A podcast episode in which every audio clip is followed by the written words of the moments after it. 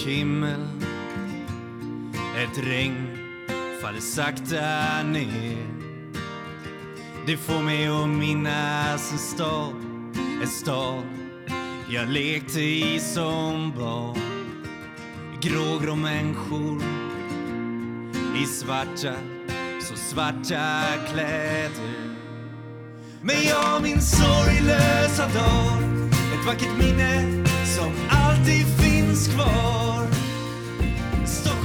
Gator och torg, ett liv så långt ifrån sorg. Ja, hej och välkomna till ett nytt avsnitt av Beroendepodden. Beroendepodden är en podcast om alla olika sorters beroende, medberoende och psykisk ohälsa.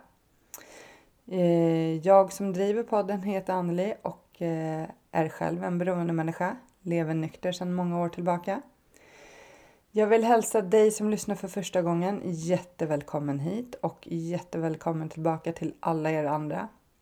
På hemsidan beroendepodden.com så finns det en flik som heter Hjälp att få. Går man in på den sidan så finns det eh, länkar till olika ställen som man kan vända sig till om man själv känner att man behöver stöd och hjälp. Så kika in på hemsidan. Jag kan också rekommendera att ladda ner appen Carry App som är ett socialt nätverk för en eh, nykter livsstil. Eh, laddar ni ner den så kan ni lägga till mig. Anneli Beroendepodden heter jag där. Ehm, på hemsidan så finns även min mailadress ifall man vill komma i kontakt med mig och där står det även vad podden gör mer än att bara podda. Eh, sorgbearbetningskurs, eh, vi har löpgruppen Running for Serenity och lite annat. Så kika in där. Jag vill eh, tacka alla er som sprider podden på sociala medier, Instagram och Facebook. Det betyder jättemycket. Fortsätt med det. Och tack för alla era mejl jag får. Det betyder också jättemycket. Jag blir så, så berörd av att få läsa alla era mejl. Eh, och som ni vet så svarar jag så fort jag kan på alla.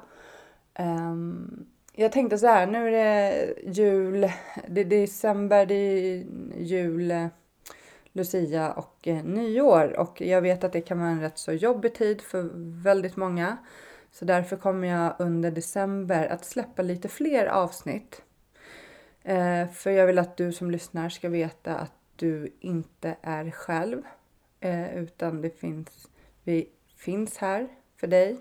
Och behöver du stöd och hjälp, som sagt, gå in på hemsidan. Eh, där finns det hjälp att få och det går även bra att mejla mig. I dagens avsnitt har jag nämligen tre gäster med mig. Två har varit med i podden tidigare, en har inte varit med i podden tidigare. Och eh, upplägget är lite annorlunda mot hur det brukar vara. För att i normalt fall så är det ju en live story hur det var, vad som hände och hur livet ser ut nu. Men eh, nu ska vi testa något nytt. Eh, men sen är det faktiskt lite kul för jag har lite grejer på gång som kommer hända med podden efter årsskiftet. Så jag är pepp på att eh, göra mer eh, med podden än det jag gör idag. Så, men jag kan inte säga för mycket just nu. Eh, men ni lär ju märka, ni som följer podden. Så jag önskar alla en god lyssning och så ska jag släppa in dagens alla gäster. Och dagens avsnitt är också lite extra långt sådär och jag hoppas att ni eh, tycker om det. Eh, annars går det ju alltid att pausa och fortsätta lyssna sen. Så god lyssning! Välkommen till Beroendepodden Joakim, Alicia och Dominik. Tack så mycket. Tack! Men eh, Joakim, du har ju varit med förut i podden. Yes. Eh, och du driver också en egen podd. yes. Måste vi självklart göra lite reklam för. Ja, Brottsofferpodden. Ja, och det är inte bara för att det är reklam, för jag tror att det är en podd som verkligen kan göra nytta för folk som har blivit utsatta för brott. Jag belyser den andra sidan av brottet, för, för jag säger, offerrollen. Eh, Så att, ja, anhöriga och folk som har blivit utsatta. Yes. Eh, så om ni inte har lyssnat på din podd så rekommenderar vi att ni gör det. Yes. Så, och eh, du eh, kan berätta lite kort om dig. Hur gammal är du? Eh, Jag är 41 år ung, som jag brukar säga. Och jag har eh, varit med i... Jag ändrade mitt liv för typ 5-6 år sedan. Och jag har en nykter tid, som man kallar det, i de här gemenskaperna till tre och ett halvt år. Snart fyra. Och min huvuddrog på slutet var heroin. Mm. Men jag har rökt mest cannabis tror jag och tagit mer amfetamin. Liksom. Men på slutet var det heroin som gällde. Det. Men vill ni veta mer om just den, story, den delen av mitt liv så kan ni lyssna på avsnitt 11. Var det? Avsnitt 11 av... Hur var ljudet på det avsnittet förresten? Det var ju början här. Vi har diskuterat ljud precis innan vi satte på. Jag har faktiskt inte hört avsnittet själv för att jag gillar inte min egen röst då. Nej. Men nu skulle jag nog våga lyssna på det. Nu skulle Ja, det var i alla fall eh, länge sedan så, Ja. ja. Ja, men det kanske var bra ljudet. Men som sagt, vill man höra hela din historia så kan man lyssna på avsnitt 11 Yes. som vi gjorde 2016. Mm. Eh, och Alicia, du, det är första gången du är här. Ja, Ja, spännande. Ja, jättevälkommen hit. Tack. Hur, eh, berätta, hur gammal är du och vad har du för bakgrund? Och, Ja, jag är ju 33, fyller snart 34. Jag har, min huvuddrog eh, var amfetamin och kokain. Och jag eh, har varit med i ett tolvstegsprogram då i sju år. Men jag har varit nykter och drogfri nu i fyra och ett halvt. Jag hade två års nykterhet, sen tog jag återfall efter två år. Sen var det all in i programmet igen. Och nu är jag nykter sen fyra och ett halvt år tillbaka. Mm. Mm. Så det var min historia. Lite kort. Lite kort, ja. ja. Den, ja.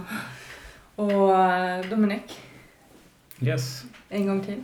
en gång till. Dominik, ehm, jag är 38 år. Ehm, Gammal eller ung, det får man väl se det som man vill. Ehm, Min huvuddrog var alkohol, men, men eh, blandmissbruk egentligen. Men alkohol var det som var det stabila. Ehm, Men annars eh, tabletter och marijuana. Ehm, Ja, Och du har tre och... tre och ett halvt. Ja. Tre och ett halvt igår, Ja, Grattis. ganska exakt. grattis. Så nu får man officiellt säga tre och ett halvt. Mm. Nu börjar man säga snart fyra. Och jag är då inne på mitt tolfte år. Jävla coolt. Ska alltid vara värst. Jag Så jävla vet. coolt. Eh, nej men ja det, är, ja men det är ju sjukt. När jag tänker på det så är det svårt att greppa någonstans. Liksom, så här, vad hände? Jag var 29 när jag blev nykter och eh, är 40 idag. Eh, och alkohol var min huvuddrog men i slutet så testade jag allt Mm. möjligt. Så. Eh, och ja, min korta historia kan man höra i avsnitt ett. Undrar hur ljudet var på det då? då? Ja, ni, ni får lyssna. Nej men och under eh, december månad så har ju jag valt att släppa lite fler avsnitt än vad jag brukar. Och också i annat format. Och det är kul att göra något nytt. Eh, men eh, varför jag vill släppa fler avsnitt nu i december månad det är ju för att det är ju Lucia, jul och nyår som är, kan vara ja, väldigt tuff tid för många. Det ska ju vara liksom så här glädjens tid men Mm. det ser ju inte alltid ut så och kanske inte med, jag vet inte hur, Inte i dysfunktionella familjer. nej, då kan det ju vara, ja, ja. Så, jag, jag, så det är därför jag vill släppa lite fler den, den här månaden bara för att, ja, att vi inte ska känna oss ensamma. Nej, jag Ja. tror, tror det är jätteviktigt. Eller det är jättebra initiativ var det verkligen. Och precis som Dominik sa, speciellt eh, dysfunktionella för, eh, familjer så det är extremt mycket. Men även i vanliga familjer så, här, så, så dricks det väldigt mycket. Det dricks ju extremt mycket liksom. Och jag som kommer från en missbrukarfamilj, alltså jag märkte verkligen skillnaden på min morsa och de killarna hon träffade när hon drack och inte drack. Så här, det var en jätte- jättestor skillnad liksom. Och, och jag mådde jättedåligt därefter. Jag ändrade exakt eh, typ mina sinnen hur jag skulle vara gentemot hur hon var. Så jag tappade ju mig själv. Så här, och, här, och jag var jätteung. Som det finns jättemånga där ute idag som är jätteunga också som får vara med om samma sak. Mm. Jag tror det är jätteviktigt att belysa att de som eh, känner sig att de i en sån familj, att de inte är ensamma. Så här. Det finns fler människor som är i samma situation och, och det finns hopp att komma ur det också. Och det är, som, det är ju väldigt många liksom barn som får den här klumpen i magen när julen kommer. Det är inte så här, oh julen kommer nu Mm. ska vi få julklappar och allt är frid och fröjd. Utan mer så här ångest över julen. Ehm, men hur såg det ut för dig då? Vill du berätta? Oj, oj. Alltså jag tror att alltså, min trygga punkt i, i mitt liv när jag var yngre, det var min farmor. Och på något sätt så fanns det en del i min barndom runt julen som jag var runt farmor och den var väldigt, den var väldigt fin. Så här. Eh, men och när jag tar bort den delen och typ tittar på min mamma och pappa då var det inte alls kul. Det var ju liksom alkohol långt innan julen startade. Som det nästan alltid var liksom. Men det var på något sätt det var alkohol i, i glädjens tecken. Så här. Och det var det var väl en del presenter absolut så här, men det var mest alkohol och säkert andra saker också, ingen aning. Och, och för min del som hade fem småsyskon så, här, så blev det väldigt mycket ansvar att ta hand om dem. Så här, och, och så min, mina minnen av jularna när jag var liten, det var ju mina småsyskon. Så och jag tror att jag försökte se till att det var min uppgift att de skulle ha en trevlig jul. Mm. och eh, ibland lyckades jag, ibland lyckades jag inte liksom, tror jag. Så här, och, men det var ju omöjligt, morsan var ju där. Så att, ja, svårt. Så, här, så jag tror inte så här superminnen av julen. Har jag verkligen inte. Så här. Och när jag väl blev nykter så tänkte jag ju att första julen med nykterhet så åkte jag dit och mådde skitdåligt. Så här, för att jag hade en förväntning att det skulle bli skit. Så här, och, men sen så tänkte jag att istället för en förväntning att det kommer bli skit fick jag en förhoppning att det skulle bli bra. Och, eh, och mycket riktigt så morsan var ju full påverkad som vanligt. Så här, men eh, jag hoppades att det skulle bli bra och jag tog, tog vara på min del. Att jag hjälpte till med maten, jag hade roligt med mina brorsbarn och jag fick en trevlig jul. Nog den trevligaste julen jag någonsin haft. Och det var min första jul i nykterheten. Och det jag ändrade på det var att istället för att förvänta mig att det skulle bli skit så hade jag en förhoppning att det skulle bli bra. Så här, och, eh, och då såg jag det positiva i det verkligen. Så här, men då var jag ju 35 år ska jag tillägga och eh, börjat jobba lite lätt med mig själv. Sen det var nog svårare när jag var 8-9 liksom. Mm. Och ha en förhoppning att det skulle bli bra. Så här. Så här, jag, visste inte, jag visste inte ens vad känslor var. Mm. Dominik, hur har det sett ut för dig? Mm. Alltså för mig så har det mest varit eh, liksom feststämning. Eh, jag och brorsan hade en tradition att typ röka weed och kröka innan. Så vi klarade av morsan. Mm. Eh, för att hon krökade alltid. Eh, och, och jag hoppades nästan på att morsan skulle kröka för att då är hon glad. Annars är hon liksom orolig, rastlös, irriterad, alla de där grejerna. Och, och, och jag menar, hon är, ja, min mamma är polska så att, att inte supa på julafton, det, det finns inte liksom. Och jag hade ju den traditionen också. Så att det var ju en ursäkt för mig för att kröka eh, ordentligt. Liksom. Eh, det var ju hela grejen kring jul liksom. Det var viktigare inköp vilken sprit man hade än eller vilken dyr årgång på rommen man hade än själva presenterna. Liksom. Det var det som var hela grejen. Och hitta någon att kröka med. Så um, nu i nykterheten så tyckte jag att alltså, första åren var väldigt jobbigt med julen för att jag eh, har associerat så mycket fylla med det tror jag. Så att jag tyckte det var mest jobbigt av den synpunkten. Liksom. Um, så jag är, idag så skippar jag hellre julen. Liksom. Det är för mig bara någonting som jag kan stryka. Jag har ingen barn och, och ingen den typen av relation just nu så att jag kan gärna hoppa över. Det är ganska skönt. Mm. Det finns annat att göra. Men har någon bild att julen ändå ska vara positiv? Så här, du ser att du kan hellre hoppa Har du någon bild kring det? Eller? Alltså den är ju alltid, som barn var den alltid förväntansfull. Jag fick aldrig det jag ville ha men jag ville väl ha allt. Så att det, um, det, alltså, det, jag tror det. Jag tror att den kan vara bra när man är barn. Liksom. Typ så. Typ så. Då kan man lägga in de där extra ansträngningarna liksom, och då blir det en fin grej. Man kan skapa en fin grej. En sund grej. Hur har det sett ut för dig? Eh, Ja, alltså, min mamma var ju alkoholist och jag är ensam barn också. Så det har alltid varit ett stort ansvar för mina axlar. Jag har aldrig haft någon att bolla saker med. Min pappa är inte alkoholist, men är kraftigt medberoende. Var han då. Min mamma dog för nio år sedan. Så hon dog innan jag blev nykter. Men som liten så är det ju väldigt, allting är väldigt neutraliserat. Ehm, Det, blir, det onormala blir ju normalt. Eh, Så det var ju ingenting, för mig var det bara så som det var. Eh, fast jag sa till mamma hela tiden, måste du dricka nu på julafton? Och hon viftade bort det så blev hon i alla fall full. Men när jag var liten så spenderade vi väldigt mycket tid med mina kusiner på julafton och så. Så att hon försvann lite in i mängden av alla människor där. Men sen när man blev äldre så började man få distans till det där och inser, man sa till exempel på eh, den bästa julafton jag kommer ihåg i äldre dagar var när min mamma, var, min mamma fick cancer till följd av alkoholism Eh, problematiken i levern. Ehm, så hon hade mycket cellbehandling en julafton och hon var nykter.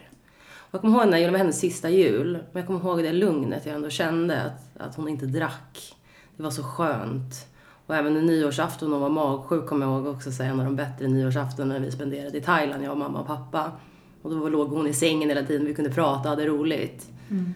Så det, det, det har varit, det har, mina julafton har alltid befläckats av väldigt mycket alkohol när jag var liten. Och sen när jag blev, jag började missbruka så var det jag som försvann från kusinträffarna och skulle ut på krogen och drack och då var jag den personen istället helt plötsligt som jag aldrig trodde att jag skulle bli. Jag trodde aldrig jag skulle bli som min mamma men jag blev det och fast ännu värre då. Mm. Mm. Ja, för mig är det ja, som den här julen. Alltså jag ska faktiskt vara själv på julafton. Det är lite tragiskt tycker jag. Eh, angående ensamhet. Eller jag kommer ju vara med min hund Molle. Men min son som är 20, han är med sin pappa. Eh, och min kille är hemma hos sig. Han bor nästan vid Göteborg med sina barn. Och sen så ska vi fira jul den 25 på kvällen. Men det blir ändå i liksom själva julafton. Eh, eventuellt kanske jag går hem till mina föräldrar men vi ska ju liksom så här. Så jag börjar redan så här, usch, ah. Men säger jag eventuellt? Är det en dålig, klickar det inte eller? Jo då, men vi, ja, klickar.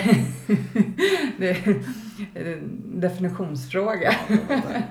eh, jo, jag och min mamma hörs dagligen. Eh, min pappa är ju tyvärr sjuk i beroendesjukdomen.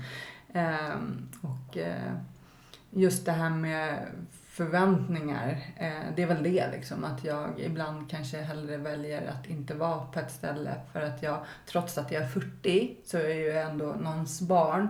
Och jag vet att jag inte ska ha för höga förväntningar.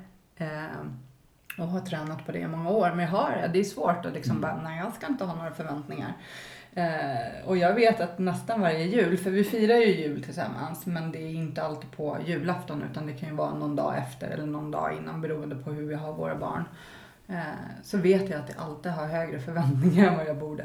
Jag borde sänka dem lite. Typ så här, jag, jag gillar ju det här som med min son. Vi sitter ju alltid, när vi äter middag tillsammans, då sitter vi alltid i köket och äter middag och pratar med varandra. Det, är liksom, det har vi gjort sedan han var liten i, när jag är hos mina föräldrar, då kommer pappa in, han slevar i sig maten och sen går han ut. Då är liksom, och mm, man ska helst inte kommunicera för sånt är ju väldigt obehagligt att kommunicera med sina barn.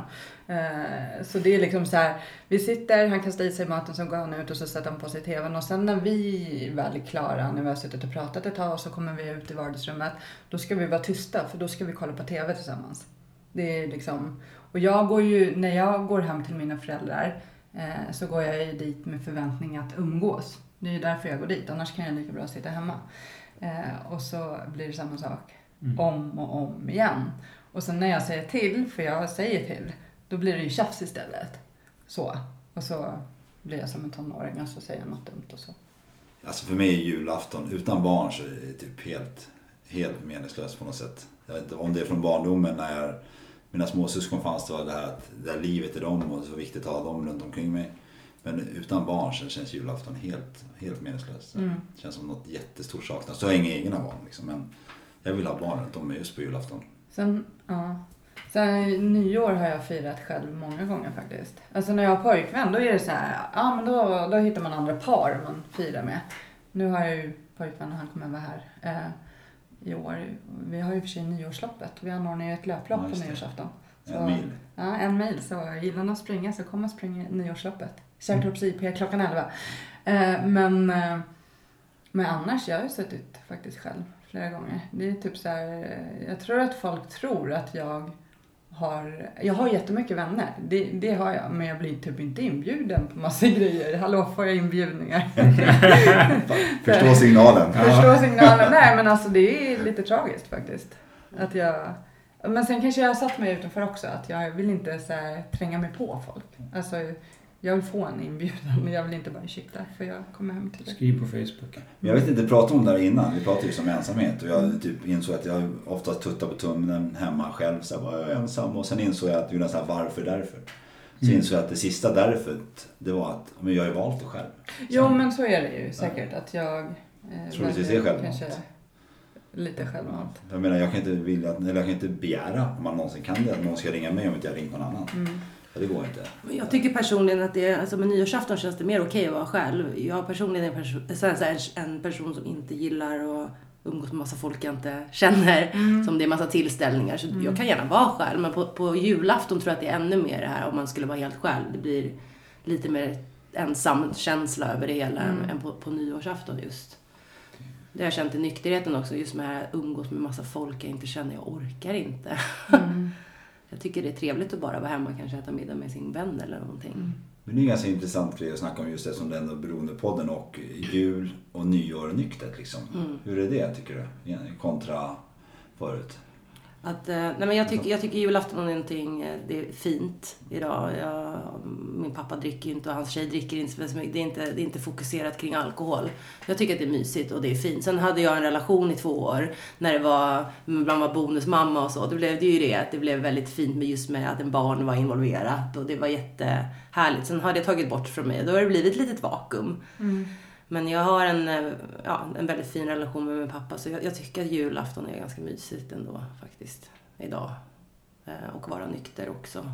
Det är fantastiskt, det är fint. Det är ingenting jag upplevde när jag var liten så för mig är det väldigt stort Mm. eh, att det är nyktert. Och, ja. Och mat. och mat! Mat. Ja, det är fokus. Ja, verkligen. Ja. Fantastiskt. Mm. Ja, jag tror jag, jag själv har krökat arslet av mig på julafton förut och tagit massa tabletter och polisen har kommit. Det var ju, det var ju vardag, vardag alltid. Och varje jul sa för jag på något sätt ville jag hem till familjen så här, och så sa vi i år ska man inte käka tabletter. Sa vi. Alltid så här. Men det slutade alltid med att minst en ambulans som en polis kom. Så här, Mm. Flera, flera år i rad. Flera år i rad, alltid likadant. Så här, ett gäng ett gäng missbrukare i samma, och barn också, i, i samma lägenhet med väldigt sårade egon och tycka att rätten att eh, känna sig besviken för att morsan har svikit dem. Liksom. Så här, och det, blev, ja, det blev jävligt intressant tror jag. En kamera där inne skulle nog vara väldigt kul. Så här, Big Brother hade inte funkat längre efter det här. Mm. Ja.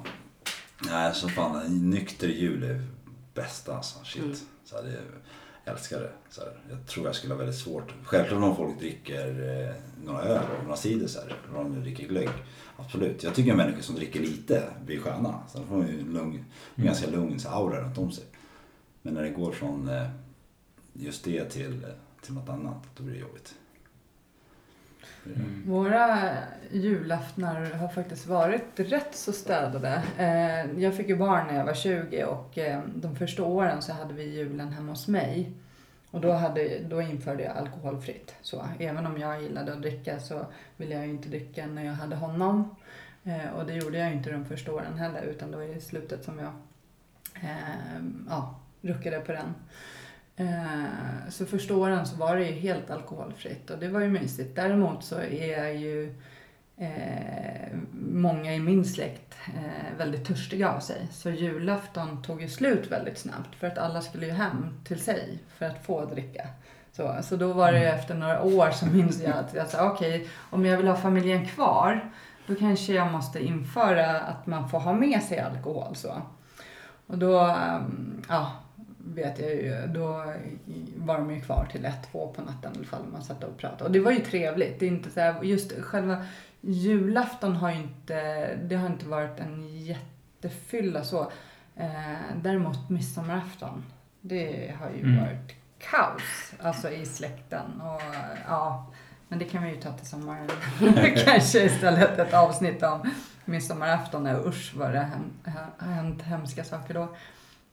Och så under min uppväxt så, mamma jobbade mycket nätter. Hon har jobbat på sjukhus hela livet. Eh, och oftast så jobbade hon på julafton och då var vi hos farmor och pappa och hans bröder de drack väl lite, kanske något glas för mycket där och det ville man väl inte som barn men det var inte, eller jag vet inte, det kanske var för mycket. Det är ju bara att som du Mm. sa i början att det var ju min verklighet liksom. Mm. Så, och sen så kom eh, min mamma, jag har ju aldrig, alltså första gången jag såg min mamma berusad då hade jag flyttat hemifrån och fått barn själv. Hon har ju inte druckit under min uppväxt och, utan hon har ju mer ett eh, eh, annat beroende, eh, mat och Mm. ehm, är mer beroende då.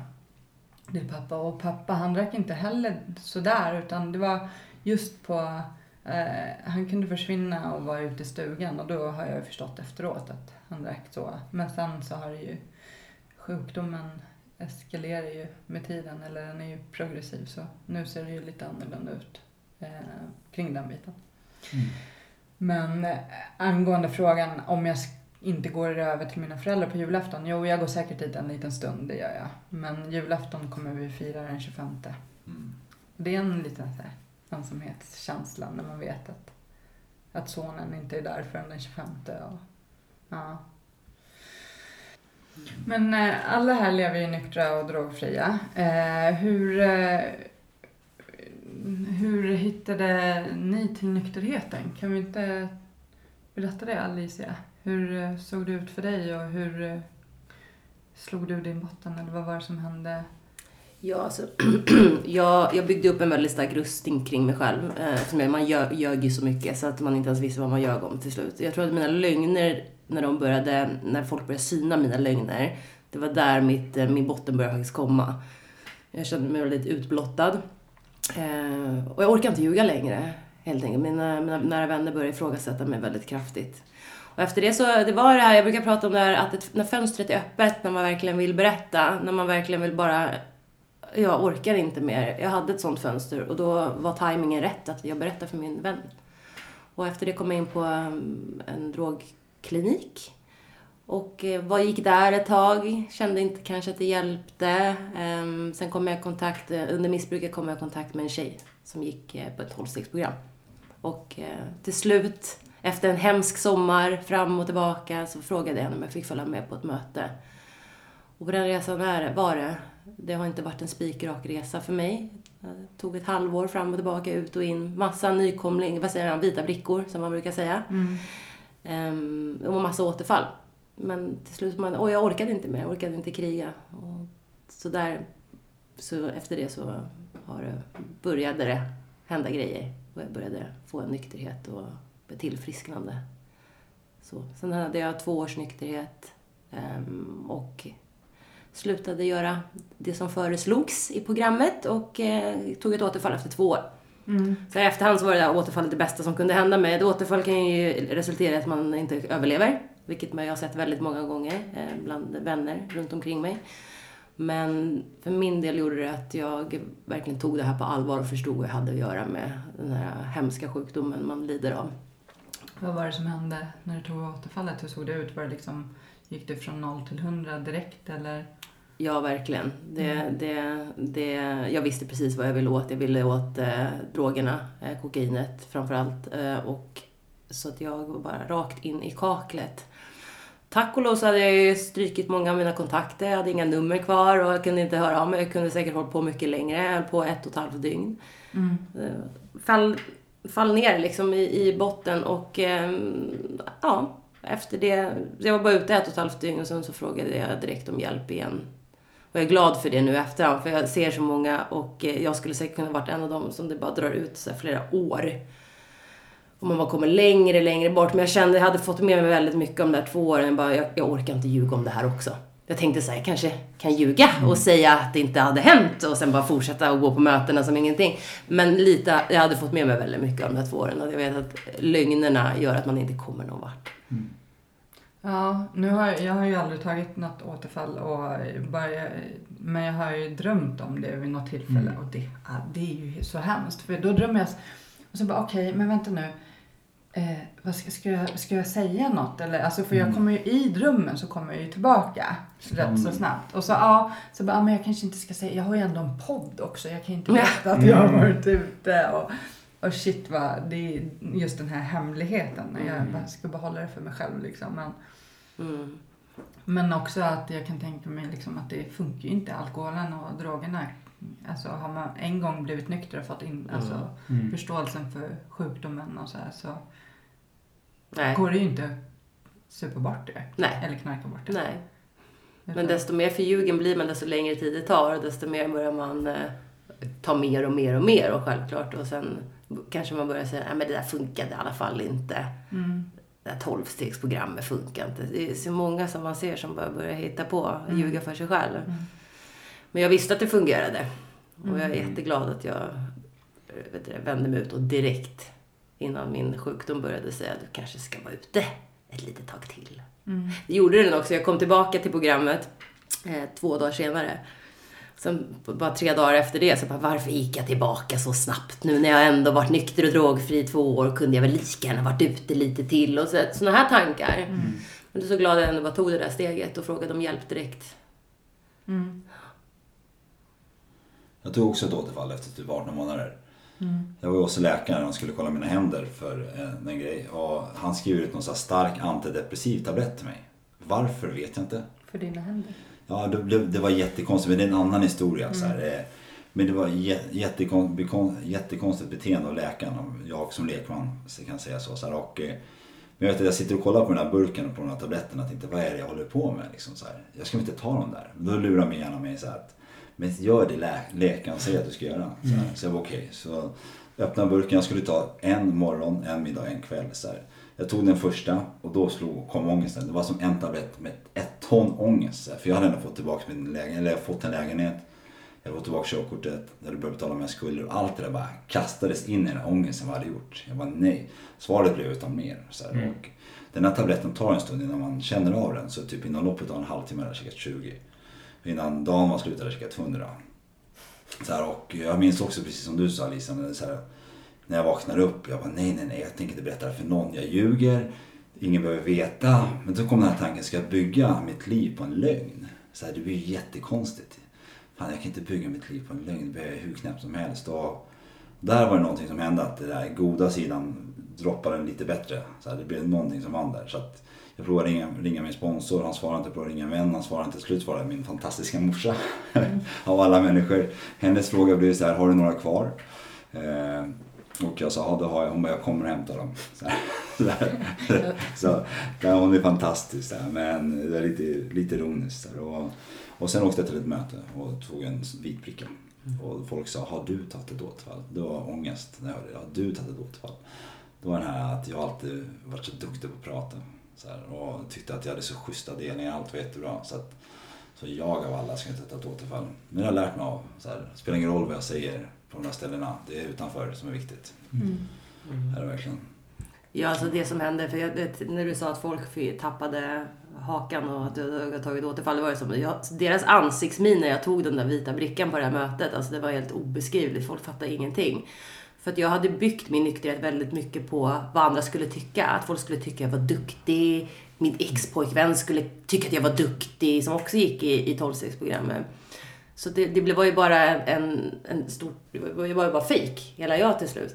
Så det, det, man, det- man kan låta på ett visst sätt så man bara bygger upp någonting och sen fallerar det. Så därför med mitt återfall så var det verkligen att jag, all skam och skuld kom och det var nyttigt för mig för jag liksom, som att man hamnade, ramlade över en kant. Och nu kan jag bygga det här från grunden igen för min egen skull. Utan prestige. Det är så viktigt Ja, alltså. exakt. Jag håller helt med dig. Mm. Typ bland, i, I min resa så är det bland det viktigaste som har hänt för mig. Mm. Visst, det är coolt att ha jättelång tid så här, och det kommer jag ha sen ändå tror jag om jag fortsätter göra det här. Men den här erfarenheten kommer nog ge mig den där långa tiden också. Mm. Ha rätt eh, tid, alltså ha tid på rätt grunder. Och Mm, ärligheten för sig själv framför allt. Mm. Men har du Dominik? Inga återfall, eh, men väldigt många återfallsdrömmar. Ja. Fruktansvärt många. Eh, Jag tror att jag var, jag mådde så piss psykiskt och fysiskt innan jag kom in i programmet och jag hade försökt så här sluta i typ fem år. Eller försökt hitta någon balans i mitt liv under fem års tid innan jag kom in.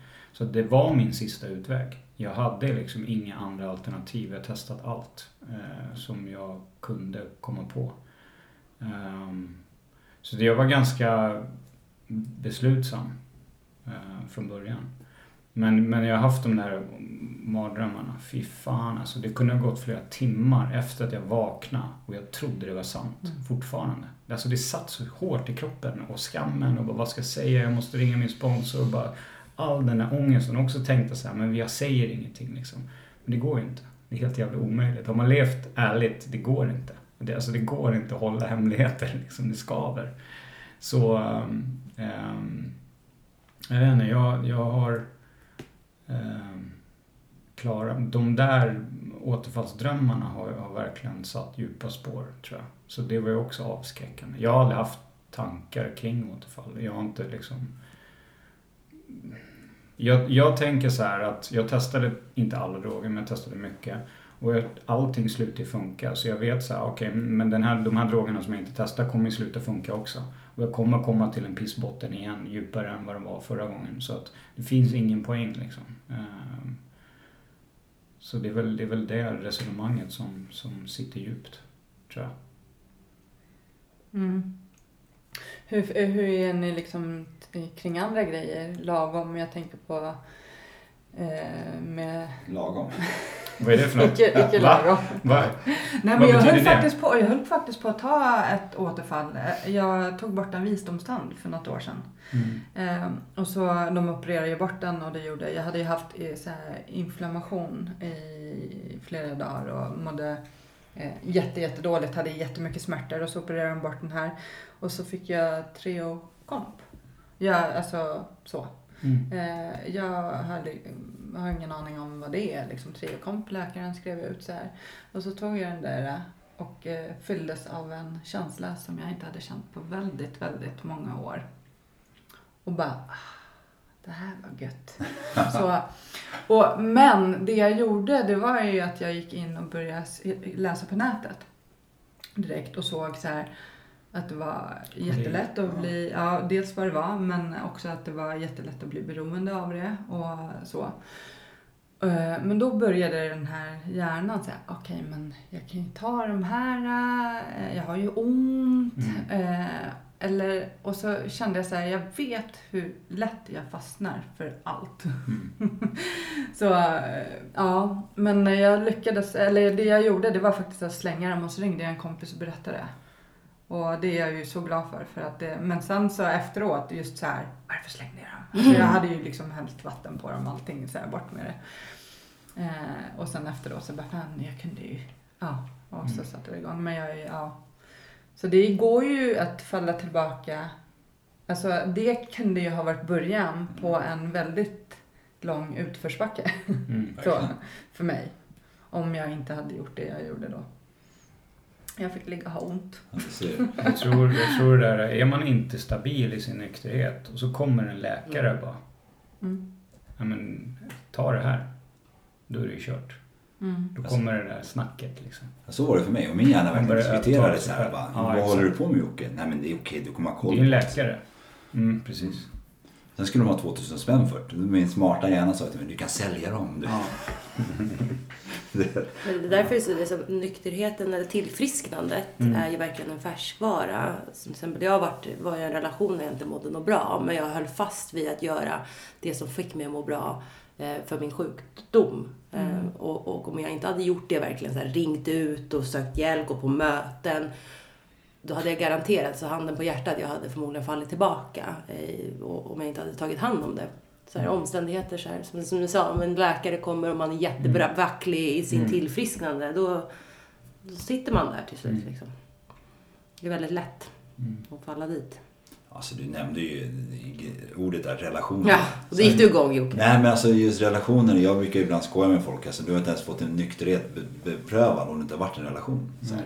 Det oftast då det, blir- du har kanske kontrollbehov på jobbet och på andra ställen. Så här, men helt plötsligt ska jag dra, dra in en annan människa och släppa kontrollbehovet till den. Det blir jättesvårt. Så här. Och jag, nu lever jag i och för sig i en relation som är hyfsat sund. Så här, hyfsat ser jag för den har ju självklart deskriptiva saker också. Men vid, vid två tillfällen under de här fem sex åren eh, har jag velat tända på ordentligt. Och det har med relationer. Där jag trott att jag haft känslor fast jag kommit ur och varit säker på att jag varit besatt. Så här. Det är bara jag tänkt, jag tänkt, jag tänkt. Jag blir tokig på tankarna liksom.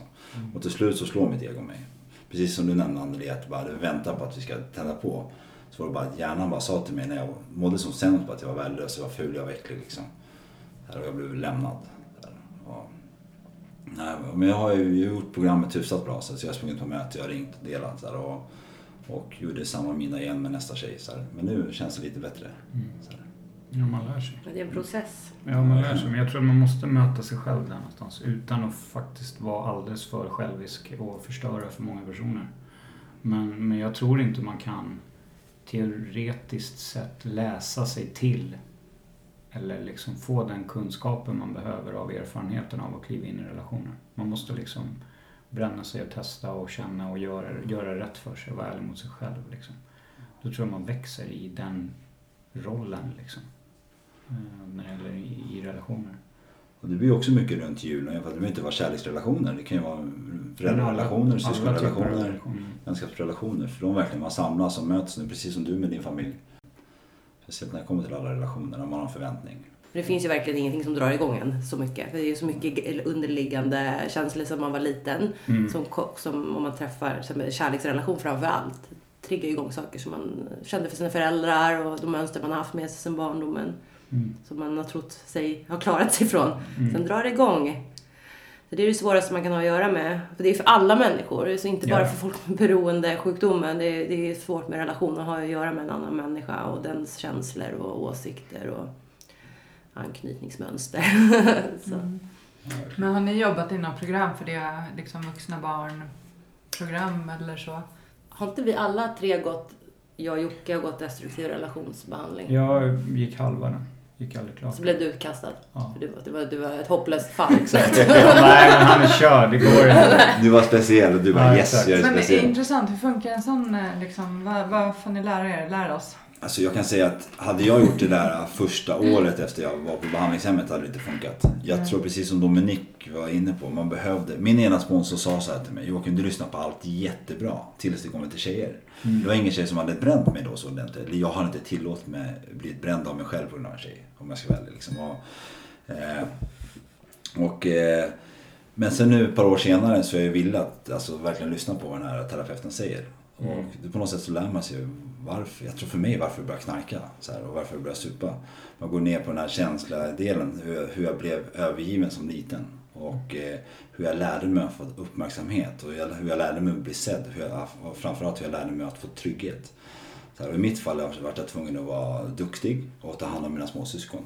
Då fick jag trygghet av min morsa. Liksom, och, och vad är det för relationer jag söker mig till? Tjejer som jag behöver ta hand om så här, och vara duktiga för. Så här, och då känner jag mig trygg. Men det är ju tjejer som inte kan ta hand om sig själva. Det betyder att det är inga sunda relationer. Mm. Så här, och till slut har jag stått där och blivit, eller jag har bränt mig själv. Det är ju inte tjejens fel. Alltså indirekt har inte tjejen någonting med det här att göra. Det är ju mina tankar kring det hela. Så, så att, ja, det är en nyttig läxa. Så till slut så sökte jag mig in, in i det här programmet och det har hjälpt mig jättemycket. Och utan det så hade jag nog inte ens varit i en relation idag. Det tror jag verkligen inte. Ja. Det där programmet hjälpte mig också. Det lilla som, eller lilla, det var nästan halva. Men det var verkligen så att det öppnade upp en, en helt ny värld, alltså helt nya perspektiv. Liksom hela det här konceptet kring dysfunktionella. Jag har aldrig sett det så. Liksom. Ehm, så att jag, jag lärde mig massor där om mig själv. Ehm, det var nyttigt. Men, men om det är någon som lyssnar på det här och som har träffat fem partner i rad, rad som varit helt skeva. Det beror inte på att du har otur. Det beror troligtvis på att du söker till den här partnern. Mm. Sen kan de se oli- olika ut. De kan ha olika arbeten, de kan ha olika situationer i livet. Men de har samma anknytningsmönster. Mm. Så här, och det är det som är sanningen. Liksom, att, och det, och det, ja, det är det man drar sig till. Eller det jag drog mig till. Och det är det jag var tvungen att eh, ja, sluta försöka dra mig till. Mm. Ja men det, Mm. så, så har det ju varit och för mig, för jag har ju ehm, ja, är uppvuxen med en fysiskt närvarande pappa men känslomässigt frånvarande och liksom som inte har sett mig, bekräftat mig och gett mig det som jag behöver som barn. Och det, där någonstans uppstod ju det här känslan av att ja, inte bli sedd och tomrummet och så här tror jag. Och eh, under, när jag var aktiv så drogs jag ju till killar som var som honom. Mm. Och så blev jag nykter och eh, fortsatte dra mig till de killarna. Och, det var liksom, och jag kände hur jag gick sönder mer och mer. För att helt plötsligt var jag i, i ett... Eh, ja, jag var nykter och jag var i ett tillfrisknande. Men så gick jag in i relationer där jag fortsatte kämpa för den här kärleken som jag ville ha. Och för att bli sedd och bli bekräftad. Och, och då att vara nykter och fortfarande inte få det. Alltså det, jag gick verkligen sönder om och om igen. Liksom. Däremot så kunde jag ju se mönstret jättesnabbt Mm. och gjorde slut. Men så träffade man någon ny. Och så efter några veckor så bara, japp, då var det dags igen. så nu är jag i en relation som jag tycker är jättesund. Det är, jag behöver inte jaga någon bekräftelse. Jag, allt det där jag känner att jag har saknat får jag här. Eh, och jag försöker ge precis lika mycket som jag får. Liksom. Och vi kommunicerar, vi pratar, vi ser varandra, vi är fina, hjälpsamma, vi säger snälla saker. Alltså allt, jag tycker det bara är jättefint, det jag har nu. Så det är jag superglad för. Liksom. Grattis. Sen har ju, alltså vi, många av de killarna jag har haft, de har ju varit snälla. Men dysfunktionella. Alltså bara för att man är dysfunktionell betyder det inte att man är elak. Alltså Nej, mot exakt. en partner. Utan Mm. man kan vara världens snällaste men du inte är förmögen att ge det där. Felprogrammerat. Ja, Mm. och, det, och när jag kollar på de killarna så har ju de sina uppväxter Mm. med det där från början. Liksom. Mm. Med, ja. Så det är otroligt intressant. Men just hur gör vi för att lyckas bryta det? Det är det som jag har tyckt varit... Jag tror det handlar, det handlar om att vi har ju tänkt relationer. Så här, eller okej, jag ska prata i jag-form. Jag har tänkt relationer där jag måste känna relationerna. Så här, jag måste känna vad, jag, vad är det jag verkligen känner. Jag kanske tror att jag eh, blir sned och tycker att tjejen är dum i huvudet. Fast min, min, vanliga, eller min naturliga känsla att jag, nu är jag rädd att bli övergiven. Så här. Nu är jag rädd att de ska ta mig för givet. Men jag har på något sätt programmerat mig själv att varje gång jag får den här känslan, då blir jag arg. Den lilla, nu ska jag inte säga de orden jag ville säga, men typ så direkt och tagga utåt, agera utåt. Så här. Fast jag borde sagt Uff, nu fick jag en känsla att du försökte tog mig för given. Så här. Och då kan man mötas kanske. Var det sant? Det var absolut inte meningen kanske hon säger. Jag tänkte så här. Så här. Och istället för att starta någon så här tredje världskrig verbalt så, så blir det två människor som möter varandra känslomässigt. Och då, istället för att det är något dysfunktionellt så blir det något vackert. Som något man kan växa av kanske. Kanske något man kan växa av. Som man kommer att växa av. Men det är svårt. Idag kanske jag går in i den här EQn som det kallas, där känslomässiga två gånger av tio. Men förut var det tio gånger av tio som gick in i tanken. Mm. Jag tänkte vad, hur jag kände. Så här, jag kände inte vad jag kände. Så att, från att jag lärde mig när jag var liten. Så här, Okej, nu känner jag så här och då måste jag agera så här för att få trygghet. Så att jag lärde ju stänga av mina känslor. Jag stängde inte av dem, jag fick en annan programmering till hjärnan. Så här, just för att känna mig trygg. För att en liten unge som föds måste ju ha sin mamma eller pappas närhet, trygghet. Och, och är hon dysfunktionell då, då blir det väldigt svårt. Där. Vissa måste skrika för att bli uppburna, vissa måste hålla tyst. Så blir man sen i vuxen stadie. Det är så- man, ja, det är så man söker sin partner tror jag också. Jag trodde ju som kvinna då, jag trodde ju att min pappa hade väldigt stor roll i vilka man, män jag valde. Så var jag ju hos, på, hos, och i terapi och insåg att fick förklara för min, min mamma har förmodligen den största rollen. För min mamma var min idol när jag var liten. Jag satte henne på en pedestal. Hon var det coolaste, vackraste. Men samtidigt var hon en person jag föraktade väldigt mycket när hon drack. Det var den här ambivalensen. Hon var väldigt närvarande vissa stunder och så var hon helt borta. Så hon hade ju inte heller den här, precis som du var inne på Anneli, den här känslomässiga närvaron. Fast hon var där vissa gånger och köpte grejer till mig och vi var alltså väldigt mycket så. Ehm, Och min pappa var bara som en sidofigur hela mitt liv som jag inte ens kommer ihåg speciellt mycket. Hon var väldigt butter och sur och det är inte den personen han är idag. Men det är lite för sent. Idag har vi en jättefin relation jag och pappa men det är liksom lite för sent. För allting sattes i sina... Allt, grunden när jag var liten, det var aldrig någon som pratade med mig om problem. Det var, den här rosa elefanten i rummet fanns alltid där, ingen som tog upp den och pratade om den. Och jag trodde väldigt mycket var mitt fel. Jag hade så stor roll i min familj i ett konstellation. Men det, för mig har det hjälpt väldigt mycket att, att bara se. Det kommer inte, bara för att jag ser vad saker och ting bottnas i så, så behöver det inte betyda att det blir fixat på en sekund. Det var lite det jag trodde när jag gick min destruktiva relationsbehandling där. Men nu är jag frisk! Sen så måste man ju praktisera det och, och jag var i en relation som inte var så sund. ehm, och så, utan att gå in för mycket på det, men det var en, en sund person kanske lämnar om en person ljuger och gör saker bakom ryggen på en. Kanske ger en en chans, men jag ger, gav fyra, fem chanser. Och det är lite som jag vill liksom hela tiden jaga det här. Se mig, hör mig. Men så jag drar mig till väldigt låsta personer känslomässigt. Det är mitt mönster. Och den personen som måste ändra sig är jag. Exakt. Och det är en process. Och det har blivit lite bättre. Jag börjar se att jag börjar titta efter andra saker idag. Det går inte liksom från noll till hundra över en natt. Utan det är steg för steg. Och då får man bara lita på den processen. Ehm, Och den får ta den tid det tar. Liksom. Mm. Alltså jag tror, har man hamnat i tio relationer som alla varit knas. Så är jag helt tusen på, om du hamnar i en elfte så kommer den också bli knas. Och det är på samma sätt. Men är man är ärlig mot sig själv där så ser man ju faktiskt sin, sin li, lite självinsikt bara. Men vänta nu. Jag är felet. Jag har en del i det här liksom. Det är så, så jävla enkelt det är. Det går inte att ignorera. Jag har ju också jagat människor som är otill, känslomässigt otillgängliga liksom. Det har varit min grej. Och, och, och folk som jag kan fixa. Folk som jag kan laga. Liksom. Gärna mm, typ, behöver inte vara medberoende men, men mm, folk som jag kan fixa som inte vill bli fixade. Liksom. Mm. Fan ska jag lita hålla på Och det där gör ju också att du inte kan komma den människan nära. Det blir ju som en mur för dig. Förstår Ja. du? Att, att, att om det alltid, den där personen är där borta, Mm. då kommer man aldrig varandra riktigt nära heller. Det är ett skydd för dig. Så nu, är, nu tänker jag väldigt mycket så här, men vänta nu. Jag, jag ifrågasätter mina tankar. För att jag tänker så här, bara för att jag tänker på ett speciellt sätt eller reagerar på ett speciellt sätt så behöver inte det betyda att det är sant. Så jag ifrågasätter mig själv jävligt mycket och, och reflekterar jävligt mycket. Vad, vad betyder det här egentligen? Liksom? Och nu har det blivit mer att jag faktiskt vågar känna direkt. Inte att jag reagerar och tänker att så här, okej jag blir arg.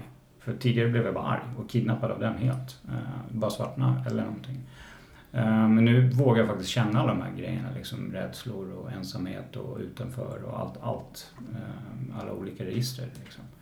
Och, och våga prata med den personen om det. Nu är jag i en relation som är väldigt öppet på det sättet, vilket är skitfint. Jag har aldrig varit i något sånt, liksom, där det går att prata om sådana saker. Så jag försöker, så jag börjar sätta ord på känslor, det fanns inte förut. Det var bara så här, fuck off, du, det är fel på dig. Liksom.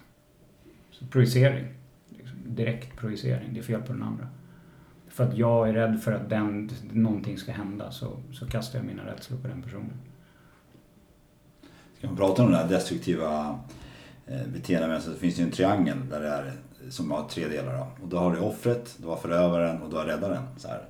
Och då oftast är det två destruktiva, två destruktiva personer som hittar varandra. Som eh, har som tänker relationer, som inte känner det. Då är det oftast någon som blir kanske förövaren och andra blir offret. Mm. Eller så blir det som Dominik pratade om, räddaren liksom. Kanske ska rädda personen. Mm. Då hamnar den andra i offerrollen. Så här. Och då, alltså det kan funka jättebra en kort stund. Så här. Men man måste in i mitten och känna. Så. Mm. För att man kan inte tänka, det funkar inte. Det kommer aldrig funka, det kommer aldrig bli en hållbar relation. Om man är en förövare till ett offer eller man är en räddare till en offer eller bla bla bla bla bla. bla. Alla de där. Mm. Det kommer inte vara hållbart liksom. Precis som du sa Nelly, den här partnern man träffar behöver inte vara dum. Så här. Men det var att det är en annat mönster liksom. Så att, eh, så att ja, det funkar bara inte. Och jag trodde i så många år att eh, kärlek gör ont. Det var en sån här, alltså den här, när, det- ja, när det ja, gör det ont själsligt, då, då var det kärlek. Typ så här. Eh, en, eh, en sund relation är ju enkel Mm. och eh, gör ju inte alls ont. Ah, ah, det lärde jag mig som 40-åring. Li- Lifehack. Man tror ju den här passionen, den här kärleken, jakten och min terapeut sa till mig, hon bara Alisa när du känner att du går igång i 180, det är 180 procent, då kanske du. Då kanske du ska titta någon annanstans och, och, och nöja dig då i situationstecken med någon som du känner 70% för. För de här männen som jag verkligen känner det här, "Ah", vill typ dra dem kläderna direkt, nej, men då, då, då är det någonting som jag märker inte lirar liksom. Och sitter Jocke och flinar här. För- men det har jag ju också fått lära mig att liksom, när det känns så, då ska man typ vända och gå. Ja. Men det, det är ju inte rätt. Nej, det är inte lätt. Nej, jag, jag ifrågasätter mig själv varje gång. där. N- när, när jag märker så här att jag blir helt besatt. Då är det så här, men vänta stopp här nu. Vad är det här? Och, och jag har lärt mig ge mig själv tid och inte gå in på alla cylindrar liksom och bara så här, tänk mer logiskt. Jag har behövt så här eh, tänka om där och börja reflektera mer och verkligen så analysera mer. För att jag, om jag går in så går jag in all in liksom och blir kidnappad av mig själv. Och, och självbedrägeri drar, sätter igång till helvete liksom. Så att jag har lärt mig backa där, eh, vilket har varit ganska skönt, för så har jag aldrig gjort förut. Och då blir det så här, någonstans typ, ja men jag litar inte på min egna, eh, mig själv, så att jag reflekterar lite grann utöver hur jag beter mig i relationer. Liksom. Speciellt i början. Mm. Jag tyckte det var så svårt att se skillnad på typ besatthet och kärlek. Så här. Ja. Jag tyckte det var jättesvårt. Så här. Men jag inser när jag tittar tillbaks nu att när jag var besatt då var jag oftast förövaren. Så här. Men väldigt ofta den här offret också. Bara, efter allt jag gjort för dig. Så här. Vad fan, jag som var schysst mot dig ställde upp. Eller sen när den här personen då, eh, den här tjejen mådde dåligt. Var, men snälla flytta hem till mig, jag tar hand om dig, jag lovar. Då blir jag räddaren liksom. Sen där hemma, hur fan kunde du göra så här? Varför, drog du dit bort? Då blev jag förövaren. Så här. Och det trodde jag var kärlek. Så här. För det kändes ju så starkt, det tog över hela mig. Jag släppte hela mitt liv. Så här. Ja. Och eh, så här, typ min träning försvann, typ mitt jobb dalade, allting försvann. Så här. Och jag tyckte att det var kärlek. Så här. Nej. Tyckte det du sa beskriver kärlek jättebra. Så här, Mm. du vet, med trygghet, sundhet, man vet vad man har varandra, man behöver inte tänka så mycket. Så här, ja. Det andra är bara galenskap. Ren och skär galenskap. Som skrämmer mig jättemycket. Det gör det verkligen. Anneli gav mig hopp nu. Men det är som att nu är du där och hittat en sån relation. Mm. Och så här, man kan ju inte tvinga sig till en plats man inte är på. Så att eh, det är ju som vi pratade innan att det är en process. Liksom. Och det, Mm. det, det är jag någonstans som måste ändra mitt sätt. Mm. För de här männen finns ju alltid där, men jag tittar ju inte åt dem. De här sunda som ser en, vill höja en och, och liksom, man har en fin kommunikation. Det är tråkigt. Mm. Men det ger mig hopp liksom. För att det, det var inte som det såg ut för tio år sedan för mig. Nu är det lite bättre liksom. Man måste ibland bli bränd eh, för att lära sig också. Man, kan- här, man kan inte eh, bli en eremit och undvika det, liksom, det heller. Så att man får ju man, man får gå igenom de där. Precis som med droger och alkohol. Mm. Så här, den här sista drogen så, som kändes som fan. Mm. Precis som du berättade när fönstret öppnades. Mm. måste ju fönstret öppnas med relationer. Så här. Mm. Samma sen är det ju själv, självkärlek också. Mm. Alltså, Verkligen. Hur, man, ja, hur ska man låta någon annan eh, älska en om man inte gör det själv? Liksom? Det är helt jävla omöjligt. Så man måste, jobba, man måste börja med sig själv och jobba med sig själv. Liksom. Det, jag tror inte på något annat sätt. För söka konstant söka det utanför sig, det tror jag är ett... Jag tror man behöver balansera det med jobb med sig själv. Liksom. Ja, allt börjar med en själv. Mm. Nej. Jag tänkte jag när jag var ung, jag var livrädd för tjejer. Så här, jag var totalt superrädd för tjejer. Så här, jag typ var lite småfull åttan, då vågade jag hångla med tjejer. Hon, hon vågade hångla med mig. Typ. Och sen var det inte, sen träffade jag inte någon tjej typ, för jag blev av med oskulden sen. Så jag pussade inte ens Jag var livrädd för tjejer. Så här, om jag satt och käkade en pizza och en tjej, om en tjej kom och satte sig bredvid mig, tja Jocke, då rörde inte jag pizzan. Jag var livrädd att jag skulle få någon mat på munnen eller det skulle se jättefult ut. Och, jag, sen när jag blev lite äldre så ändrades det där. Jag fick någon bekräftelse i det liksom.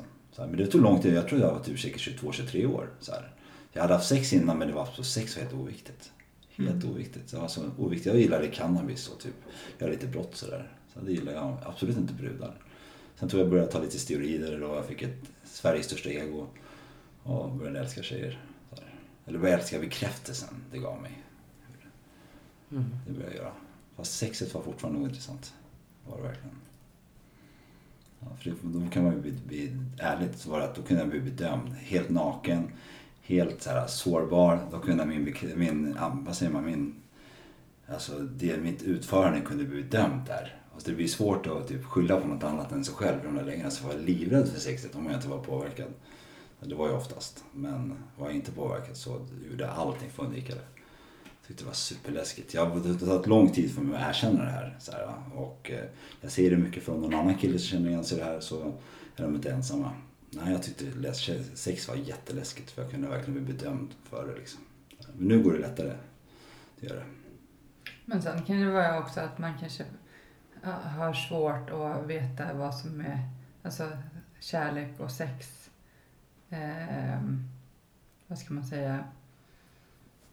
Ja, men om man har sex med någon så är ju, då är det vi liksom. Att man typ går den vägen för att ja, få bekräftelsen och Jag fick få just det. kärleken. Men den, ja. Att Kärlek, sex lika med kärlek fick Mm. jag på något mönster. Mm. Vissa får ju typ sex lika med kontroll, sex lika med närhet. Jag fick sex lika med kärlek. Typ har sex så har det med kärlek att göra. Mm. Tror jag. jag tror jag inte exakt fattar vad de menar med det men tror jag inte. Det kanske jag förstår i Det, det får vi göra ett avsnitt om. Sex. Alltså, det kan ju bli fel. Mm, men, det ett- men det är jag ett tror att- ämne. ja, ett, Alltså felkopplingar mellan. Jag har också sökt alla mina relationer och handlat om sex och jag har trott att det, är- det är så det är. Liksom. Det har varit kärnan. Oftast börjar det med en KK-relation så glider in en, en, en liksom, någon form av relation. mm. Så, och, och trott att det är... Och, och, och jagat passionen och kicken och, och den här äh, förälskelsefasen har jag förknippat med kärlek. Liksom. Alltså när jag blev nynykter och skaffade Tinder, de första tjejerna jag låg med, de, jag var klar på, låg under 30 sekunder. två tjejer sa samma sak. Uff, du, verkade, du verkade verkligen behöva det här. För jag var van med det här typ drogtempot och fy, jag dog, jag skämdes ihjäl. Så här. Inte ens 30 sekunder höll jag ut. Fy fan, nu svor jag, förlåt. Nu kommer allt fram.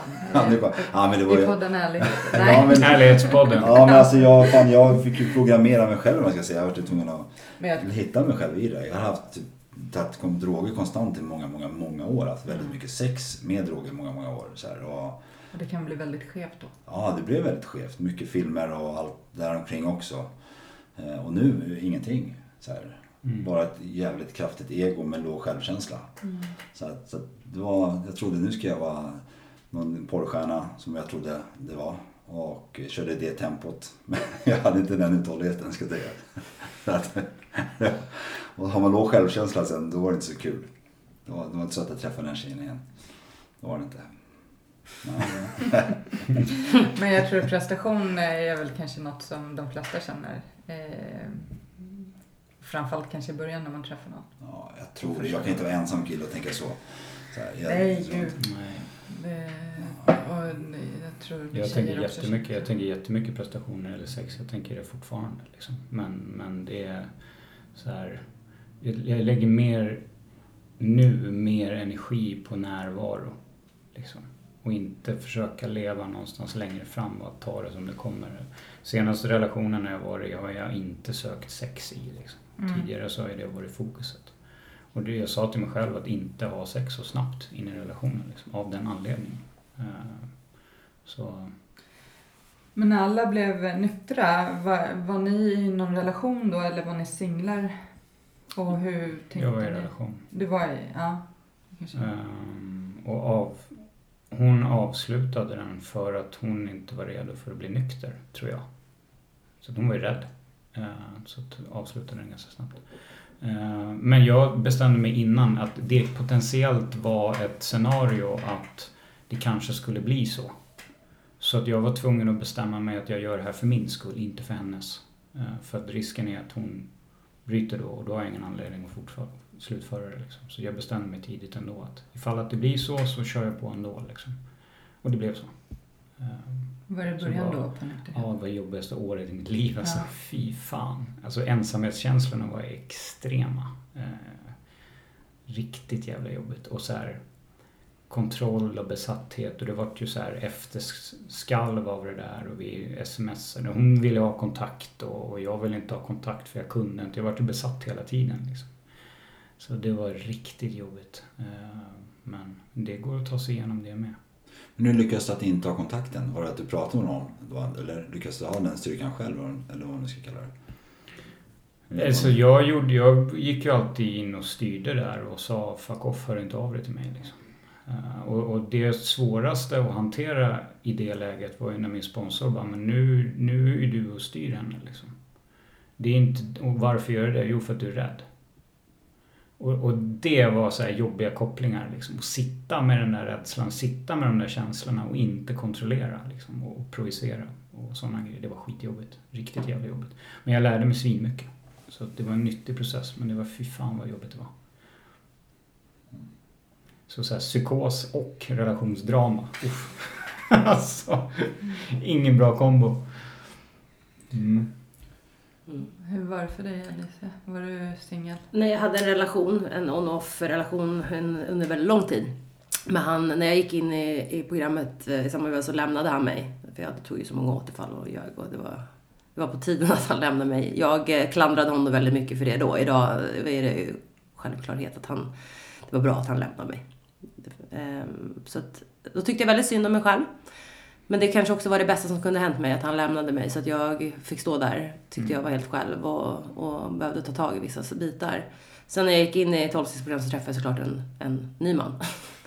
som hade sex års nykterhet. Så det var väldigt så här, i början kan jag se, då tyckte inte jag det, att jag gjorde det för honom skull, eller hans skull. Men nu kan jag se att jag gjorde väldigt mycket för, för han och för att vara en del av det han gjorde. Men det har ju lett mig till att vart jag är idag. Så idag gör jag program, med- gör min nykterhet för bara min skull då. Men, eh, så det ledde ju till någonting bra, även fast det var väldigt, väldigt jobbigt. För vi hade ju också en dysfunktionell on-off relation. Sen, man ska inte skita där man äter. Eller hur Jocke? Nej, Mm. har jag hört. Om man inte gör det med kärlek. Ja.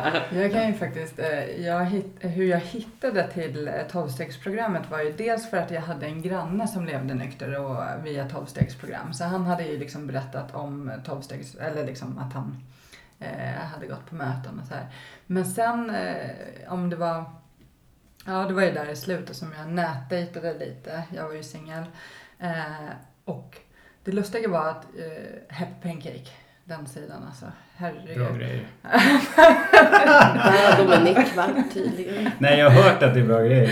Nej. Men jag var eh, ute på dejt med två olika killar vid olika tillfällen. Och de levde nyktra via tolvstegsprogrammet. Och de pratade väldigt mycket om tolvstegsprogrammet och sa ah, men jag har varit, ena killen hade varit nykter i tre och ett halvt år. Och så på vår andra dejt, så var det, då skulle vi gå och spela biljard. Men jag var ju så törstig på den tiden så jag beställde ju in öl. Jag tänkte inte på honom. Alltså jag fattade inte vad jag gjorde mot honom vid det tillfället. Men då tog han en öl faktiskt. Då. Han hade varit nykter i tre och ett halvt år. Och eh, han bara, ah, men jag, eh, jag tror nog att jag kan dricka nu. Jag, så, när man har varit nykter så här länge, då kan man det. Och då klev han faktiskt ut då.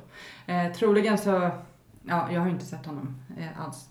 Och sen var det en annan kille som också levde nykter och han hade flera års nykterhet och eh, han pratade om eh, ja, sitt liv och så. Och, och honom blev jag faktiskt riktigt förtjust i. Men han sa till mig att jag var så trasig så han ville inte fortsätta dejta mig. Han bara, du blir nykter, sen kan vi höras. Och ja, honom har jag inte heller sett faktiskt. Men så det var faktiskt lite så jag hittade Eh, ja, det var många små grejer som gjorde, liksom, del, dels att jag drack väldigt mycket som var min vatten, liksom, och började ta droger och eh, jag var mamma och ville inte bete mig på det sättet jag gjorde. Men sen var det ju de här personerna som kom in i mitt liv sista åren liksom, som Mm. berättade att det fanns en lösning. Sen, sen är det ju så att man måste ju fortsätta jobba med sig själv för att hålla sig nykter och drogfri. Eh, och det eh, och liksom ta den här sjukdomen på allvar för att eh, annars kan ju vem som helst kliva ut. Ja, Folk kan verkligen. ha varit nyktra 20, 30, 40 år liksom. Mm. Eh, så man måste ju fortsätta ta det på allvar. Alltså, jag fastnade han den här killen på bowlingen som drack den här ölen. Tanken så här. Ja, men- "Nej, nu, nu kan jag. Ja men förstår du hur jag skämts efteråt? Alltså jag, det var, tog, var, eller det var rätt så lång tid som jag liksom typ tog det på mig. Men jag vet ju att det var inte mitt fel. Men, Mm. så, han nog säkert vacklat ett tag. Det var nog inte bara den incidenten. Hade nog kommit ett annat tillfälle. Ja. ja, ja. Mm. Men just den här övertygelsen. Jag tror att han kände så här extrem glädje när han väl bestämde sig. Ja, och nu, okej jag kan. Jag är på dejt. Ja, jag är på dejt, jag kan. Sen så typ dagen efter bara, uh, Men hur tänker ni kring det då, när vi pratar om relationer? Så om ni träff, ja, har dejtat någon som ja, en sån vanlig människa som dricker vanligt. Eh, berättar ni att ni lever nyktra eller eh, varför ni lever nyktra? Alltså, alltså jag är ju, så, jag pratar väldigt mycket. Så, här, så att jag har... Är det så? Ja, så att jag... det är därför du är med här Ja, nej men så att jag, eh, jag, jag berättar. Och jag har faktiskt lärt mig att i min manipulativa, manipulativa sida, typ både bland tjejer och killar, att, eh, och och när nätverkar, att kasta ut det där esset i kort, kortarmen som man kallar det vid det tillfället. Så helt plötsligt blir det någon så här, typ fascination kring det. Mm. Här, eh, och eh, som kan vara till min nytta, det kan också vara till att man bara blir ett objekt, sen så bara inget mer. Så. Att, men jag pratar om det garanterat. Det gör jag. Att, mycket tror jag mest för jag snackar. Jag, har nog väldigt, jag måste nog lära mig mer om, åt andra hållet, ha mer lite integritet eller vad det heter. Det var det jag ville lära mig. Men, för jag fick frågan av min kompis häromdagen, hon har börjat dejta. Hon var så här, ska jag berätta och när ska jag berätta? Och jag, jag personligen tycker att eh, så fort som möjligt. För att om jag dejtar någon och den lever som nykter alkoholist och så får man veta det efter ett halvår. Mm. Alltså eh, någonstans så kan det väl vara bra. Jag vet inte. Mm. Ja, jag, dum, jag skulle ju i och för sig inte döma någon som lever som det. Så det eh, men eh, man kanske är rädd att bli avvisad då om man berättar det. Mm. Men eh, Man får ju ofta frågan när man är ute, typ så här, varför dricker du inte när man vill sälja in vanligt? Ja. I början så var det verkligen, jag är nykter alkoholist och bla bla bla bla bla och de bara slutade lyssna direkt. Så nu ser jag mest för att jag känner för att dricka eller typ så här, jag har druckit tillräckligt eller att jag tror inte du vill att jag ska dricka säger jag väldigt ofta. De säger varför? Då blir man helt plötsligt blir man lite nyfiken om varför jag säger så. Då är jag typ inne så här, och eh, kan prata vidare om det där. Det är bara för det är då jag hå- hånglar upp din flickvän och... Ja, exakt, exakt. Mm. Ja, Men ordet integritet som du var inne på, jag tror att det är jätteviktigt att, att, att för att i början tyckte jag det var jättejobbigt med att dejta när man var nykter och vad ska man säga. Och så nu är jag så stark i min sak och stolt över vad jag gör och verkligen sådär. Men min bästa vän sa till mig, men Alicia, jag vet ju din resa och vad du gör idag och jag är så stolt över dig och allting du gör. Men de här människorna som träffar dig första gången, kanske inte behöver jag kan nog ha skrämt iväg några. Ja. Men bara kokain, amfetamin och så sitter någon så här som aldrig liksom haft med det att göra och barn. Eh, Lite så. De, de, de, det blir lite... eh, Man behöver kanske inte behöver, säga inte, men man behöver ju inte berätta allt. Man kan, Nej, det räcker ju exakt. med att man eh, kan berätta att man... Ja.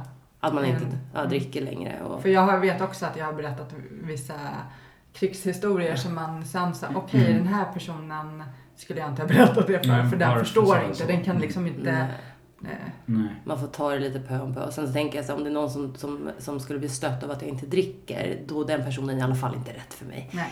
Eh, så här första som vissa säger, varför dricker du inte för? Sådana där människor vill jag i alla fall inte dejta. Som, Nej. som ska bli provocerade av det. Då kanske de har den här sjukdomen själva. Mm. Oftast. När jag, i, I början av nykterheten hade Tinder, så här, då var det ju helst klockan, klockan nio. Så här, för ibland, om de ville dricka en öl fick de gärna dricka en öl. För det gynnade ju mina intressen. Så här.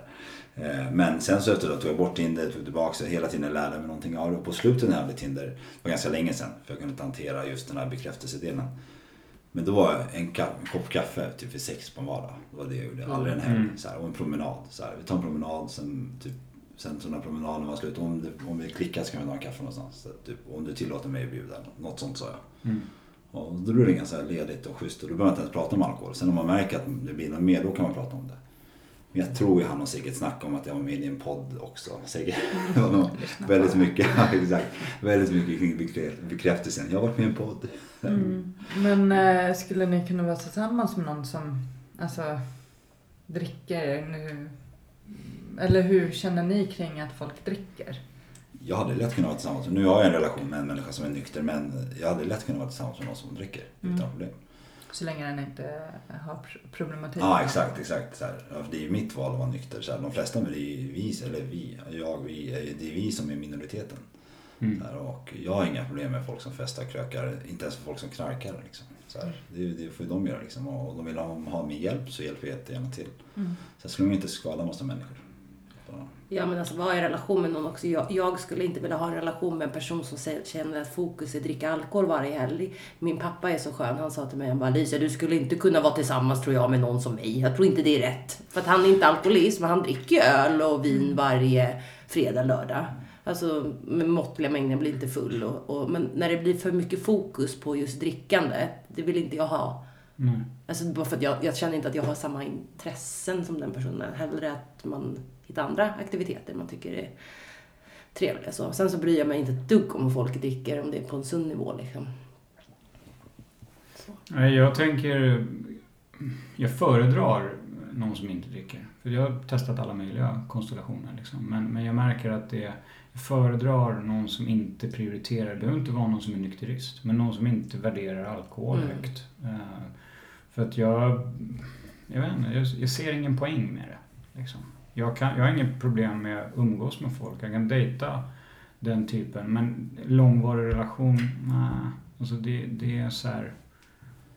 Men har inte en vuxen människa som prioriterar alkohol till en problem? Eller? För det är ingen att vara jag- 15, 17, 18 att det bara var fest, fredag, Nej, men fest. alltså, det behöver inte vara fest. Folk kan ju dricka två öl och så håller de det. Mm. Det, det är liksom rutinen. Ja. Och stanna där. Ja, Eller ett glas vin och stanna där. Liksom. Och det är så här, men...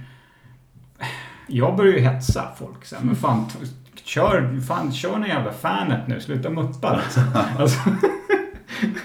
Kör nu liksom. Jag blir typ stressad. När folk dricker lite. Eller Ja. eller Nej, men, det, men jag tycker Ja, det är jag- kul. jo, det blir en men- grej sen. Men vad fan håller du på med? Slut, är du klar med den där snart?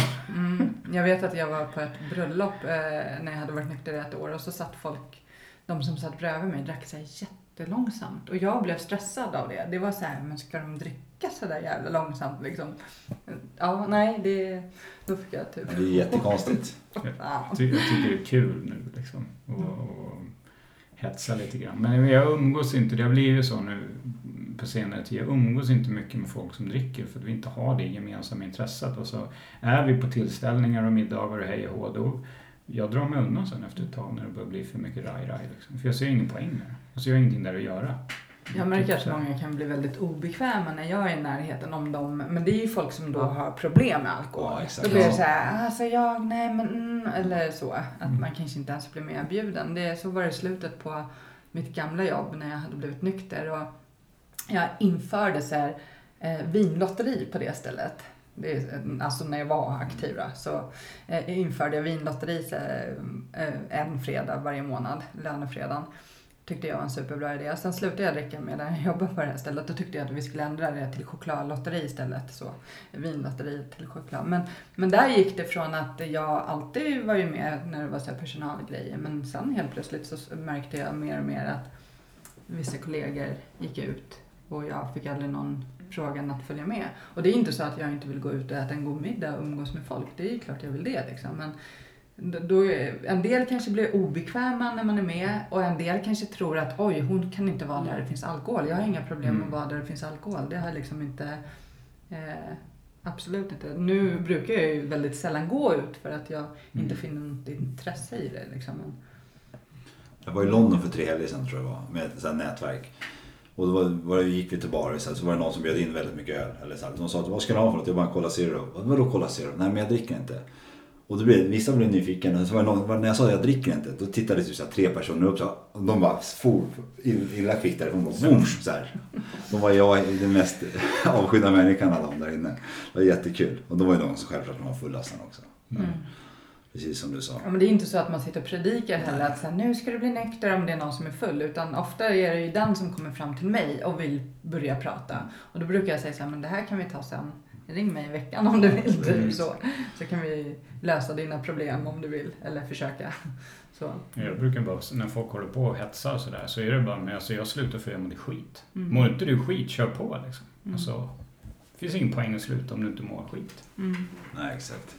Mm. Så, och när det gäller dating-grejerna så brukar jag ta det så tidigt som möjligt i samtalet också. Bara för att jag tycker det är skönt. Och också det där, i början så la jag fram det. Bara kasta ut det och bara så här. och och det, ja, det är lite det här med integriteten. Det, det, jag nämner det och säger att jag dricker inte för att jag slutar för jag mådde inget bra. Om folk frågar om det, ja men då kan jag berätta mer. Men om, om ingen frågar om det, ja men fine, jag har sagt mitt. Jag behöver inte gå in på mer detaljer liksom. Jag behöver inte säga att jag är alkoholist. Jag, om det kommer upp längre fram så säger jag det. Mm. På Tinder körde jag att jag var en gammal kriminell pundare. Det var därför jag var nykter. Jag fick jättemycket matchningar. Så- Alla det bad boy, bad boy älskande Ja. tjejer så kommer direkt. Jag hade lite spännvidder så här. På Mm. åldersspann 18 till 22.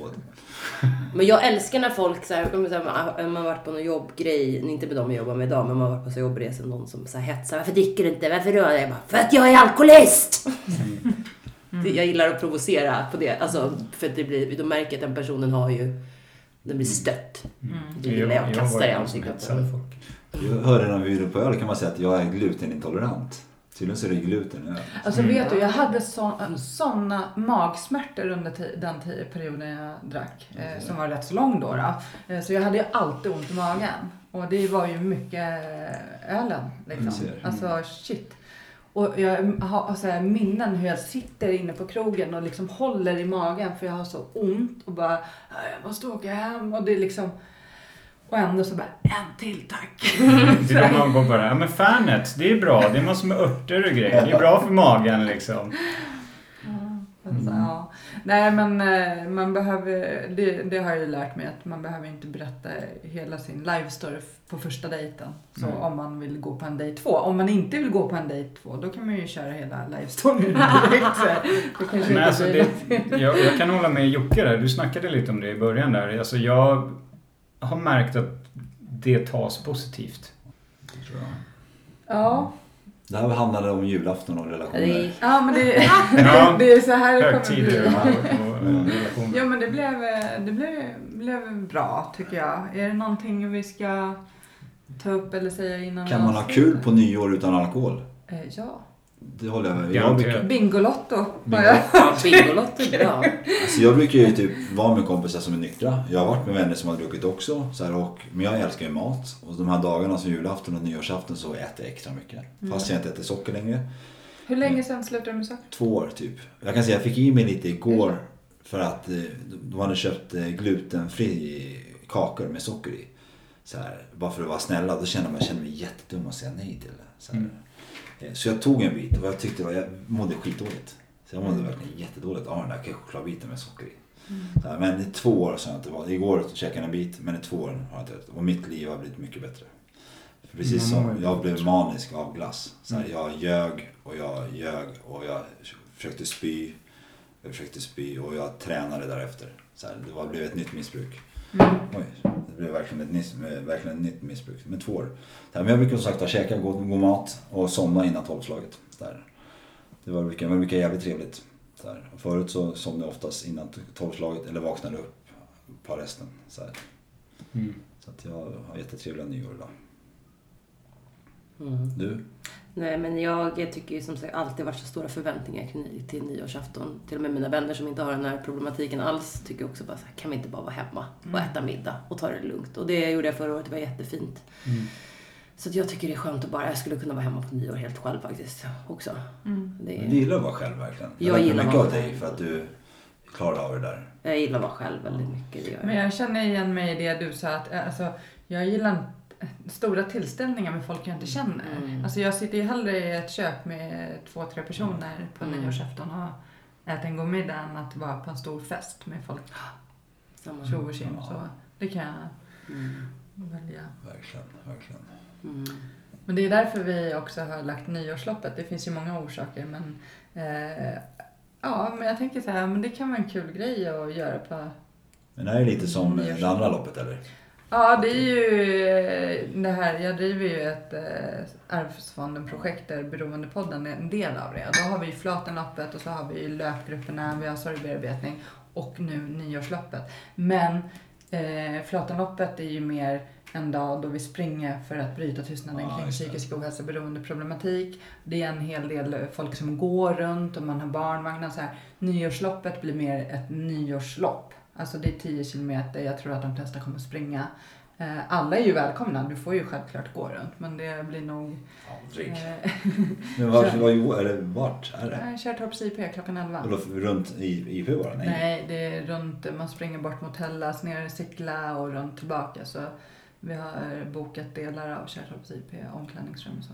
Men det finns eh, på Running for Serenitys hemsida att anmäla sig. Så det är en, ja, kul, kul avslut. Många väntar sig att när nya året kommer då ska jag förändra mitt liv och så ska jag göra det här och det här och det här. Och jag tycker så här, varför inte avsluta det på bästa sätt med ett löplopp? Kommer det här avsnittet släppas före nyår? Ja. Om det är någon som lyssnar på det här som vill springa men inte är så duktig på att springa. Jag har sprungit en del förut men inte så jättemycket. Jag har lite problem med foten. Om ni känner igen er tillsammans så hör av er till Anneli så kan vi springa tillsammans. Ja. Så om du gör det eller ni gör det så gör jag det, det lovar jag. Men hör av er till Anneli så kör vi tillsammans som en rolig grej.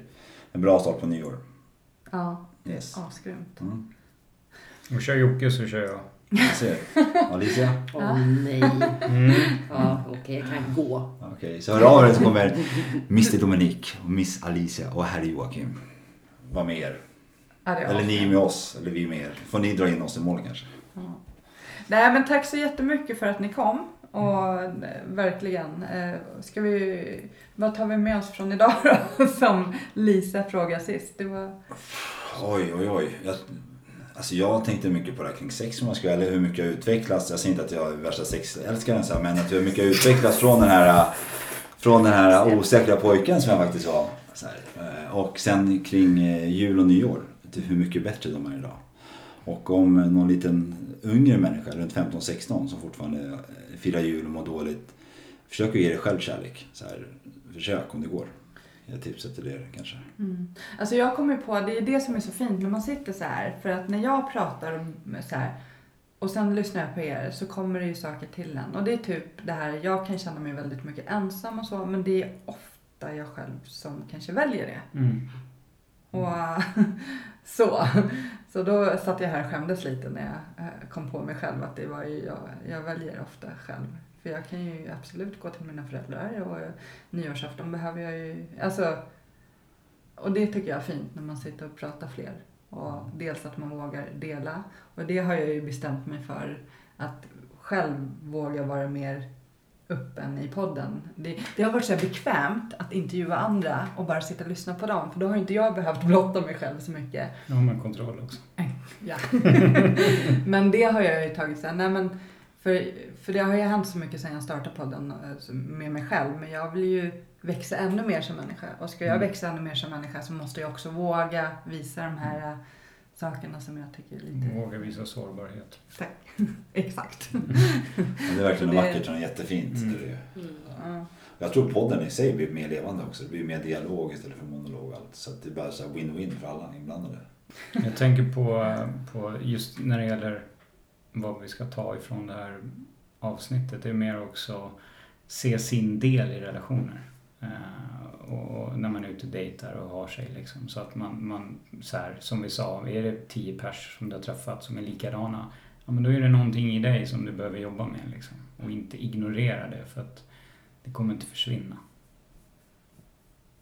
Mm. Vi har fått hopp av Annelies historia om sin nuvarande relation. Hopp. och att allting är en process. Liksom. Det finns. Det lär oss. Och det är det livet handlar om också för alla. Liksom. Man måste ja, gå igenom vissa saker helt enkelt. Mm. För att utvecklas. Mm. Så är det med allt. Så är det. Mm. Tack så jättemycket för att ni kom. Tack för att bli inbjuden. Ser Ja. fram emot att göra det här igen kanske. Ja, god jul och gott nytt år. Detsamma till er alla. God Då jul. ses vi på nyårsafton då. Yes! Yes.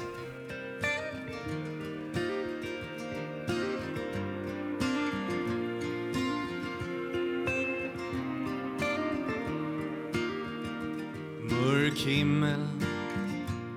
Ett regn faller sakta ner. Det får mig att minnas en stad En stad jag lekte i som barn. Grågrå människor i svarta, så svarta kläder. Men jag minns sorglösa dag, Ett vackert minne som alltid finns kvar Stockholms gator och torg Ett liv så långt ifrån sorg ba, ba, da, da. Ba, ba, da, da. Ba, ba, da, da, da, da, da, da, da. Ba, ba, da, da. Ba, ba, da, da. Ba, ba, da, da, da, da, dyster T-baneperrong typ Ett liv inrutat i betong. Stäng ut det andra med musik. Fokusera allt på att bli rik. Här finns en dyster atmosfär. Ett liv kretsat kring karriär. Men jag minns sorglösa dag. Ett vackert minne som finns kvar Stockholms gator och torg Ett liv så långt ifrån sorg ba, ba, da, da. Ba, ba, da, da. Ba, ba, da, da, da, da, da, da, da. Ba, ba, da, da. Ba, ba, da, da. Ba, ba, da, da, da, da, da,